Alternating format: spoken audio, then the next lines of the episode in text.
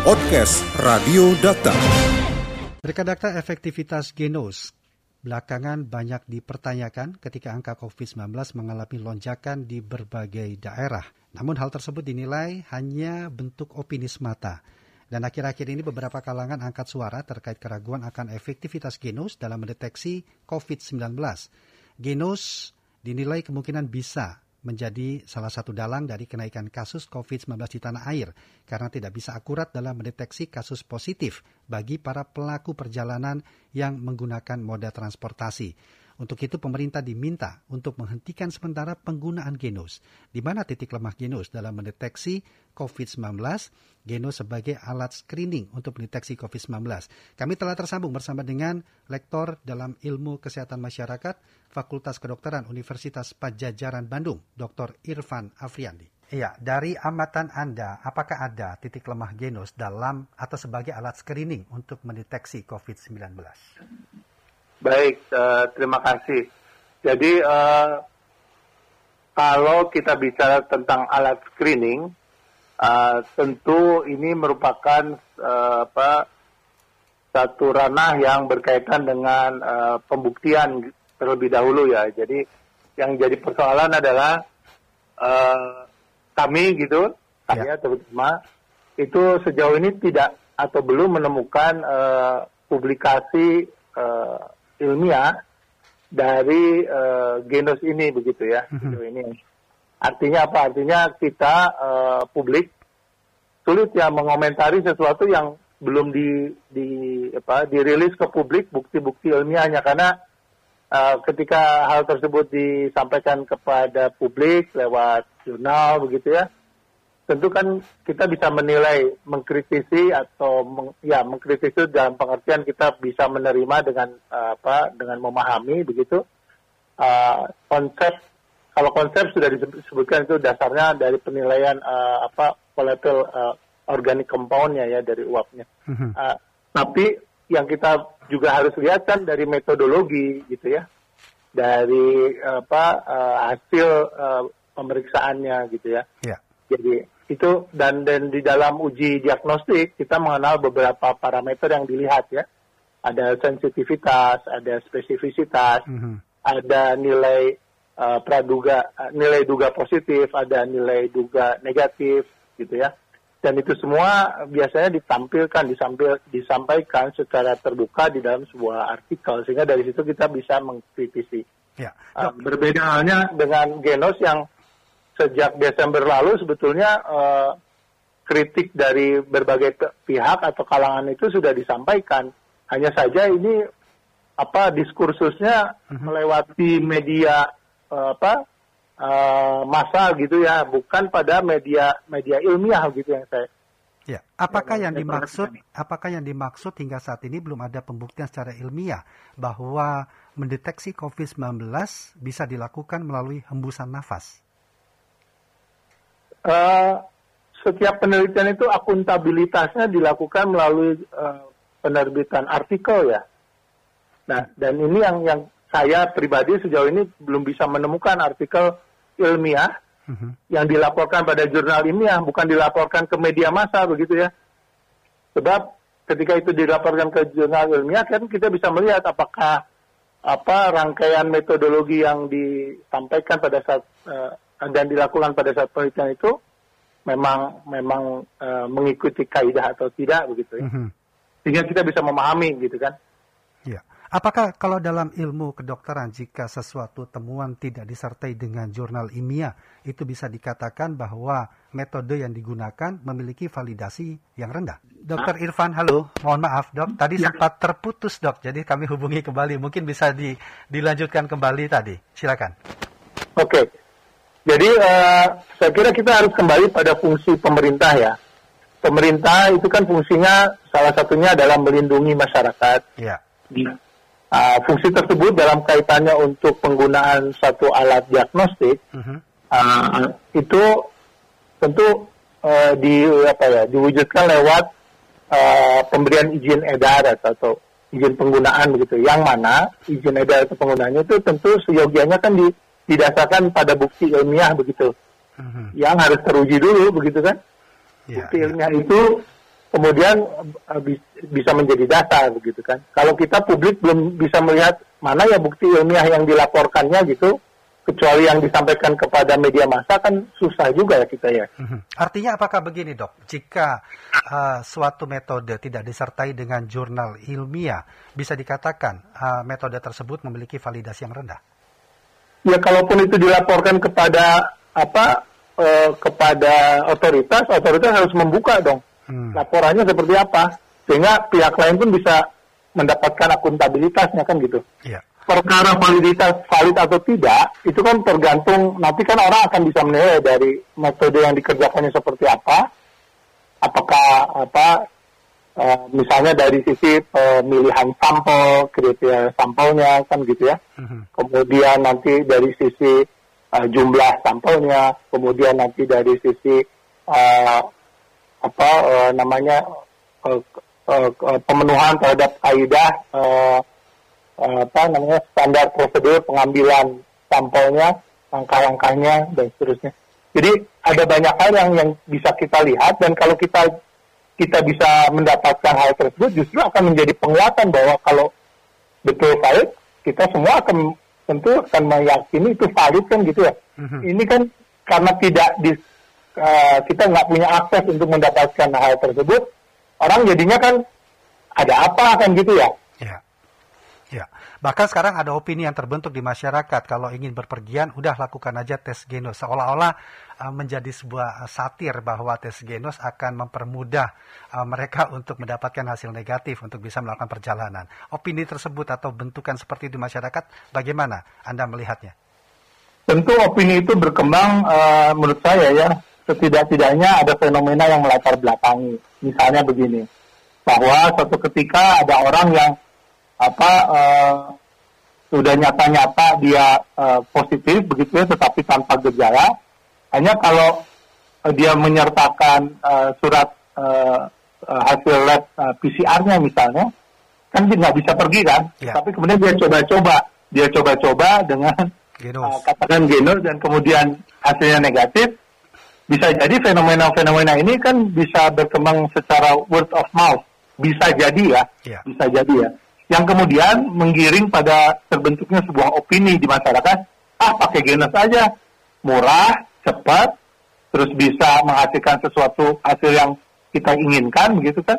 Mm-hmm. Karena uh, apa namanya situasi yang yang yang saat itu memang masyarakat uh, apa ya perlukan secara apa ya secara sepihak gitu ya oleh masyarakat tanpa memperhitungkan misalnya ketika hasilnya negatif, hal tersebut tentu akan berisiko, kan? Mm-hmm. Itu yang disebut dengan false negatif di dalam di dalam yeah. analisis apa hasil diagnostik itu kan. Yeah. False negatifnya kalau sedemikian tinggi itu biasanya sih ya sensitivitasnya nggak bagus gitu kan. Mm-hmm. Baik, dok kalau iya. dari anda pribadi sendiri, apakah anda termasuk yang uh, mempercayai indikasi lonjakan kasus COVID-19 belakangan ini karena metodologi yang digunakan di Genos memiliki validasi yang belum bisa dibuktikan secara nyata? Oke, kalau terkait itu saya sih nggak bisa me, apa, menimpakan hanya pada Genos, mm-hmm. ya genos hanya salah satu saja yang mungkin itu pun mungkin ya. Kenapa mungkin? Karena kita sulit uh, apa membuktikannya juga gitu ya karena ya. jadi ya belum ada laporannya. Tetapi ada potensi yang lain juga. Sama halnya dengan uh, tes antigen. Tes antigen pun demikian. Kalau tes antigen itu di apa dibuka semua hasil uji sensitivitasnya bisa jadi hal yang sama terjadi gitu. Mm -hmm. Karena tidak semua uh, pabrikan uh, rapid antigen itu itu juga memiliki uh, hasil yang baik ya hasil uji validitas yang baik mm-hmm. tapi kan sedemikian uh, gencarnya uh, apa uh, ketersediaan uh, berbagai merek tes antigen yang sekarang ap- apakah otoritas mampu nggak mengendalikan ini ini palsu, ini belum pernah diuji, ya. dan seterusnya. Itu juga rasanya kan enggak ya. Jadi artinya ada kontribusi mungkin ya. Jadi ini hipotesis makanya saya sebut. Uh, bisa, genus bisa.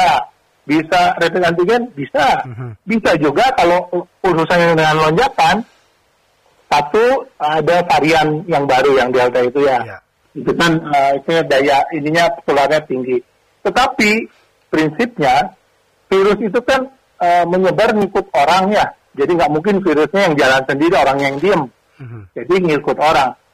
Ah, yang lalu eh, menjelang Lebaran itu yang terjadi adalah kita tahu mutasi eh, Delta itu sudah ada, tetapi dari awal juga eh, apa pintu-pintu negara tidak dijaga dengan baik, Mhm. banyak penyebabnya ada yang eh, karena apa ya lalai saja, ada yang mungkin bribery, mungkin itu juga Mhm. misalnya begini, harusnya dikarantina dulu 14 hari bebas gejala, orang baru boleh dilepas. Ini tiga hari udah lepas. Mhm. Misal, itu kan mungkin terjadi kan? Ya. Artinya ada Sehingga- ada beberapa faktor yang menunjang Betul. atau mendukung dari lonjakan COVID-19 Ya, itu jadi- sendiri. Si varian deltanya sendiri, pintu-pintu masuknya sendiri, ya kan? Itu membuat mereka masuk mobilitas yang dimudahkan oleh kebijakan yang akhirnya membolehkan gitu, asalkan dengan genos, Mhm. asalkan dengan antigen, yang mana tes genos ataupun antigennya kemudian juga tidak akurat begitu, misalnya ya Mhm. sehingga ditambah lagi uh, perilaku masyarakat yang juga ada dengan uh, 3M-nya misalnya. Saya Ya. kira uh, multifaktorial kalau untuk lonjakan kasus sih ya. Jadi nggak bisa di uh, nggak bisa ditimpakan pada satu faktor saja. Menurut saya begitu. Baik, dok, berarti artinya kalau harus dilakukan evaluasi dari beberapa multifaktor tadi, pemangku kebijakan kita harusnya apa yang harus dilakukan? Baik itu dari langkah screening yang bisa dipercaya validasinya, kemudian juga pengetatan di beberapa pintu masuk untuk tidak menyebabkan penyebaran yang lebih luas lagi. Saya kira untuk pintu masuk uh, mutlak ya sebetulnya dari awal mau ada varian, uh, mau ada mutasi, mau ada mau tidak ada sih sebetulnya dari awal juga harusnya mutlak Mhm. dilakukan. Yang saya amati pintu-pintu masuk sejak awal gitu pernah ketat, pernah enggak gitu ya. Jadi itu itu persoalan lah menurut saya. Jadi kita seolah-olah pintu rumah kita kita buka untuk masuknya maling gitu lah kurang lebih ya Ya, itu loh. Nah, sekarang ketika itu maling udah masuk pun, kita nggak punya alat deteksi dini yang kuat. hmm. Dalam arti sistem kita nggak memungkinkan nggak secara baik kalau ada orang yang katakan eh, apa suspek saja, suspek itu kan sebetulnya eh, bisa ditetapkan menjadi eh, positif atau tidaknya kan dengan pemeriksaan PCR. Ya. Oleh karenanya salah satu indikator untuk eh, ke- ke- apa kapasitas sistem itu sistem kesehatan adalah eh, rasio pemeriksaan kan satu berbanding seribu eh, penduduk per minggu Mhm. per pekan begitu kan? Ya, itu rasio. Artinya apa? Harus ada kemampuan untuk bisa memastikan seseorang yang memang seharusnya diperiksa itu diperiksa begitu. Contoh tadi yang suspek itu kan sesegera mungkin diperiksa. Karena agar bisa disingkirkan ini covid atau bukan. Baik. kalau ini tidak mungkin itu berlanjut. Kedua orang yang eh, terkategori sebagai kontak erat kalau kita punya kemampuan atau kapasitas pemeriksaan insya Allah eh, misalnya pada hari eh, kelima orang-orang tersebut sudah bisa diperiksa. Tapi kalau tidak orang yang karantina ini juga kan ngapain saya ini diam-diam aja Eh, belum tentu juga akhirnya dia keluar lagi kan. Mhm. Jadi hal-hal ini saling berkelindan ya dan butuh apa komprehensif nggak bisa satu sektor saja yang kuat gitu. Artinya sistem yang Anda paparkan tadi tidak berjalan dengan baik di kita tuh. Buktinya melonjak. Hmm. Baik, Kan ini kan sistem intelijen ya. ya. Jadi kalau kita bisa men- men- mengendus potensi masalah, potensi lonjakan dari awal, harusnya kan ada upaya gitu ya. Ini kan terendus pun enggak gitu. Malah dengan kebijakan yang longgar, seolah-olah ya se- sejadinya aja, sejalannya saja. Ada sih sisi positifnya, herd itu? immunity akan herd immunity itu akan akan terjadi, akan terbentuk. Hmm. Tapi kita masih menyisakan pertanyaan berapa lama eh, apa antibodi itu bertahan itu belum bisa terjawab dengan Ya. juga. Artinya herd immunity itu kan akan terbentuk atau kekebalan komunal akan terbentuk jika itu sudah menyebar di banyak dan antibodi sudah banyak. terbentuk. Tapi itu juga kan dengan risiko. Betul. Risikonya justru ketika misalnya yang terpapar adalah orang-orang yang dengan komorbid atau orang rentan. Ya. Artinya kita sedang sedang memberi apa ya ya risiko. Ya. Baik. Baik, dok kalau melihat kasus saat ini yang terjadi di Indonesia, apakah anda berkesimpulan bisa dikatakan begitu bahwa uh, peristiwa ini akan terjadi sampai dengan beberapa pekan terakhir dengan penanganan kebijakan yang ada, atau bahkan masih akan dikhawatirkan masih akan berlanjut untuk waktu beberapa waktu yang cukup lama? Uh, tentang berlanjut tidaknya itu tergantung proses uh, apa transmisi di masyarakat. Ya, jadi kalau kalau masyarakat masih berkegiatan uh, sebagai seperti seolah-olah tidak ada tidak ada apa uh, situasi kedaruratan seperti kehidupan biasa, saya kira ini akan berkelanjutan terus karena mm -hmm istilahnya produksi kasusnya terus ya. Yeah. Di antara kasus yang diproduksi ini kan sebagian dirawat, katakan let's say 5% dirawat. Kalau yang produksinya makin tinggi kan 5% dari yang tinggi itu bisa melebihi kapasitas rawat ya. Jadi kalau yang kapasitas rawat itu gagal, gagal menangani, kan efeknya pada fatalitas, pada kematian. Memang virus hilang dengan uh, kematian orang itu artinya nggak menyebar berhenti di orang itu. Uh, tapi uh, at the cost of his or her death gitu kan ya. Jadi uh, implikasinya kematian seseorang. Oke okay, mati di situ. Hmm. tapi kalau produksi kasusnya di hulunya masih terus terjadi ya terus terusan dong. Yeah. jadi intinya sih kalau mau mengendalikan ini hentikan di hulu hentikan di hulu itu yang kemudian disuarakan oleh berbagai kalangan sebagai lockdown. Mm-hmm. Oke okay lah, istilah lockdown tidak ada di dalam uh, kamus atau terminologi kebijakan kita. Yeah. Tetapi kan dengan instrumen kebijakan yang ada, kita bisa menerapkan prinsip lockdown. Artinya gini, ketika pemerintah menghindarkan uh, risiko untuk uh, menyediakan anggaran untuk uh, misalnya mendukung kehidupan keluarga uh, atau masyarakat Indonesia, dengan adanya kebijakan lockdown tanda, dalam tanda kutip itu kan bisa saja apa istilahnya karena tidak digunakan uh, yang menggunakan apa ke ke kekarantinaan kesehatan uh, tentu itu bisa dihindarkan pembiayaannya kan ya. tetapi situasi di lapangannya menggunakan prinsip-prinsip seperti halnya lockdown gitu Baik. jadi seperti PKM rasa lockdown gitu mungkin ya mhm. Mikro mungkin dok yang yang saat ini sudah dilakukan di beberapa uh, lingkungan Tuh. kecil itu. Jadi Baik. lingkungan kecil dilakukan mikro boleh, ya. tapi itu nggak cukup. Kalau yang mikronya hanya satu atau dua aja kan. Ya. Hmm. Baik. Mikronya itu kalau skalanya kota, kota tertentu yang memang uh, perlu melakukannya, itu efektif untuk kota itu kan gitu. oh. gitu. Ya. Itu lumayan tuh. Baik. Atau misalnya beberapa aglomerasi, tapi kompak gitu. Nah ini kan butuh kepemimpinan kalau kayak gini. Baik, dok, dengan adanya lonjakan kasus yang signifikan belakangan ini, bagaimana Anda melihat psikologis masyarakat kita?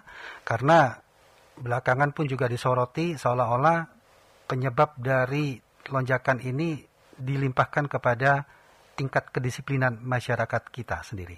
Bagaimana? Saya kira sih semua pihak e, berperanan ya. Jadi tidak hanya masyarakat, masyarakat pun seperti ini ya karena nanti juga masyarakat bisa bilang ya masyarakatnya katakan kurang literasi ya karena pemerintahnya tidak cukup memberikan literasi bisa begitu kan dibaik. Jadi artinya sebetulnya semua pihak bertanggung jawab dan berperanan sebetulnya.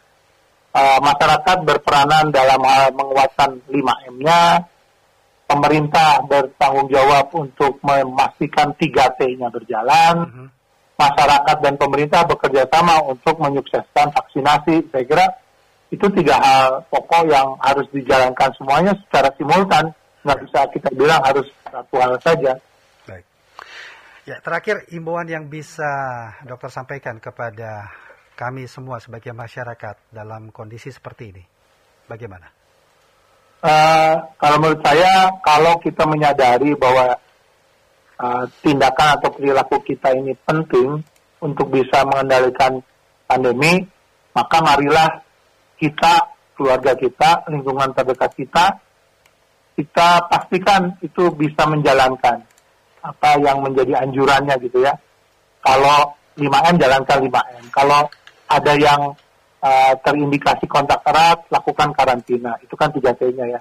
Kalau ada yang terindikasi suspek, uh, lakukan uh, apa isolasi sambil merawat. Kalau memungkinkan uh, bisa dibuat bantu shelter yang berbasis komunitas. Artinya masyarakat bisa bergerak. Gitu. Kalau kesadaran itu muncul dan tumbuh di banyak kalangan, insya Allah uh, pemerintah pun kalaupun tidak berbuat apa-apa juga bisa bisa dikalahkan oleh gerakan masyarakat yang yang memang uh, apa besar gitu ya. Nah, nampaknya kepemimpinan di level grassroots ini yang yang penting saat ini. Uh, ada kalanya kita melihat pemerintah juga kan banyak keterbatasannya, bergerak dengan anggaran, sumber daya manusianya terbatas, apalagi sebagiannya juga terpapar sehingga tidak bisa optimal.